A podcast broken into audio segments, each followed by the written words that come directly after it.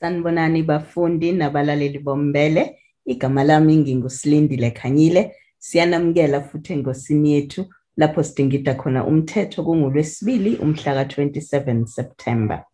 Umshayeli weloli osolwa ngokubulala abantu abawu-20 esibhicongweni esenzeke oPhongola, umnumzane uSibusiso Siyaya, utshele inkantolo izolo ukuthi ngeke saqhubeka nokufaka isicelo sebheyili. USiyaya usolwa ngamacala okubulala ngokungenhloso, kodwa kukhona abanye abathi kufanele empeleni abekwe amacala okubulala. Ukubheka lolu daba kabanzi ukhona ungodwethu womthetho umnumzane uMpumelelo Zikalala weZikalala Attorneys. Mnumzane Zikalala siyakubingelela futhi siyakwamukela kumbele. Awubingelele kakhulu bese ngibelela kakhulu abaleli abahle eh, nababukeli abahle bombele. Mnumzane Zikalala yinini lapho umuntu ebekwa khona icala lokubulala ngokungenhloso? Hmm. Yila khona ikujwayele kakhulukazi uma ngabe kade khona ingozi bese kuyabheka ukuthi cha lesi sibhicongo senzakalile ubani umuntu esingakwazi ukuthi simblime noma sithi akanzisanga ku-driver noma kumshayeli befayela ngabe bishayela ngokucophelela zonke lezi zinto ayifundiswa ngesikhathi esafundile nazi nalezi akwatshena zona ngesikhathi yophasa etestini ayi uyithathe nje wayishaya indiva wangalalela even imithetho yomgaqo bese kuthiwa cha ngoba sekukhona igazi lichithekile kwaba khona imiphefumulo edlulayo ngesimanga sakho. Ake sikubambele icala lokuthi ubulale ngokungenhloso. Yebo siyazile ukuthi uphume ekhaya ungasho ukuthi namhlanje ngifuna ukuthi kube khona abantu abazobe bese befile bebulawa yimina. Kodwa ngenxa yobudedengu bakho ngokushayela ngendlela ebungafanele ngabe ushayele ngayo sekukhona abantu abasebedlulile emhlabeni yiko ubulele ngenhloso nje. Eh uma sibheka kulolu daba lukaMnumzane uSiyaya kukhona abathi kufanele ngabe ubhekana namacala okubulala njengoba umbiko okhishwe umnyango wezokuthutha ngesonto elidlule uveza ukuthi kukhona ibanga eliyikhilomitha lapha eshayela khona ephambana nezimoto. Yingakho abanye abantu bethi empeleni akubanga yingozi ngoba waphula umthetho. Ungabe ithini imigudu elandelwayo ngaphambi kokuthi icala liguqulwe ekubeni icala lokubulala ngokungenhloso kube lokubulala. Efanele sikhumbule ukuthi miningi izinto ey'ngenayo ecaleni. Siqale la. Ekuqala uma ngabe sithatha umuntu esuke ebeka icala umbuso umbuso afanele kuthiwa cha indlela osecaleni ngalo abukho obunye ubufakazi obufikayo obungaphikisa noma bungathandabuza lento esiyitshena enkantolo. Lento bake bebiza ukuthi is guilty beyond reasonable doubt.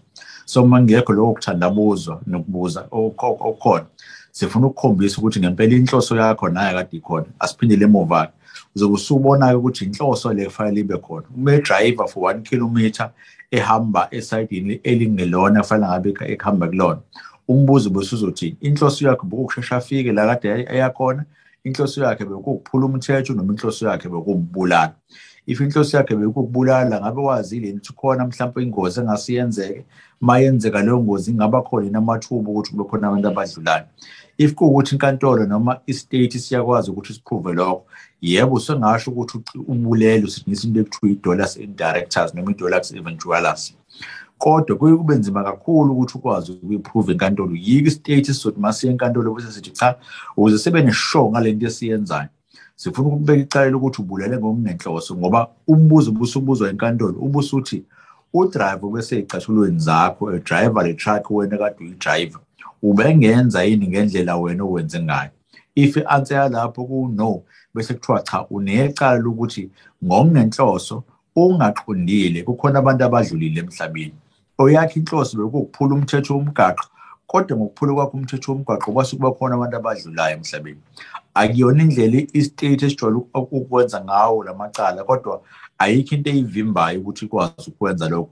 Nengibona ukuthi mhlawumbe ngakuhle uma beqala ngayo le case la bezokhombisa khona ukuthi cha si-stage siyakwazi ukuthi sithi kuyi-stretcher ngoba la umehluko uba khona isigwebo osuke uzosithola. If inhloso kade unayo isigwebo siyakhuphuka inhloso uma kade ungenaso isigwebo uzosithola sothi ukuba sincane. Kodwa ngeke uze ukuthi bazo inkantolo ekudedelele ngithi hayi cha ayi siyalibona usiyabonga ngoba uyalibona iphutha lakho akube sekuphela kanjalo.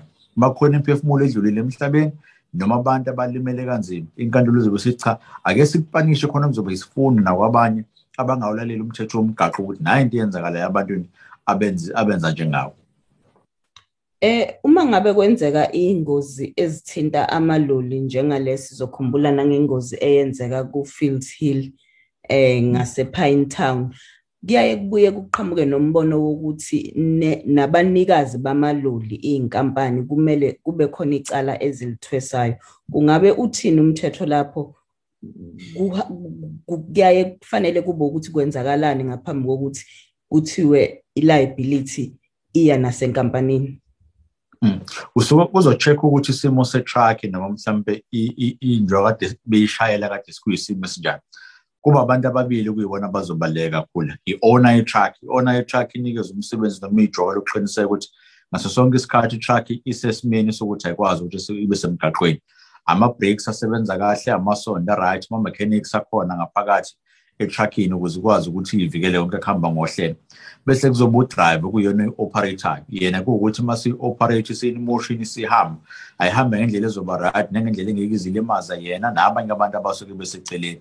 Nanokuthi ngesikhathi eshayela-ke yena kade ulandele umthetho womgaqo ngale ndlela okubhalwe ngayo noma ngale ndlela oyiyona. So kuye kubaluleke uma sekwenziwe investigation from iside lamaphoyisa ukuthi ake sibheke ukuthi i-cause yale accident kube yini.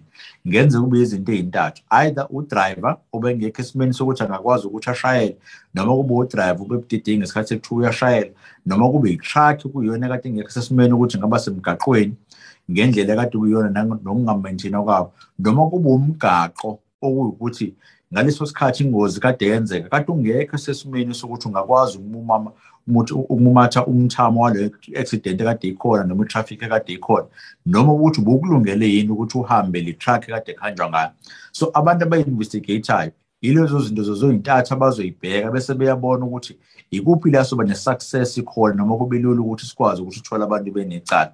If kuwukuthi i-owner ye-truck no-driver asibathathe sibenze bobabili bakwazi uku-account if kuwukuthi udriver kakhulukazi ngoba kuyena kade esebenzisa noma kuyena oshayelayo then akukhulunywe naye kakhulu ngoba uyena phela ekade enikezwa amandla nomqali noma umsusa wendaba yonke njengoba siyishola sesilana ukuthi cha ake senze sure ukuthi sipanisha wena. Asikupanisheli wena ukuthi uze ubuhlungu wedwa. Sifuna ukuthi sifuna ube isifundo noma kube isifundo nabanye abazobukela wena. Babone uma ungelandela imithetho yomgaqo kwenzakalani bese sikwazi ukuletha nobulungiswa kuyisule ezisuke sezilahlekelwe imindeni yazo Mnumzane Zikalala njenganjalo siyabonga kakhulu ngesikhathi sakho.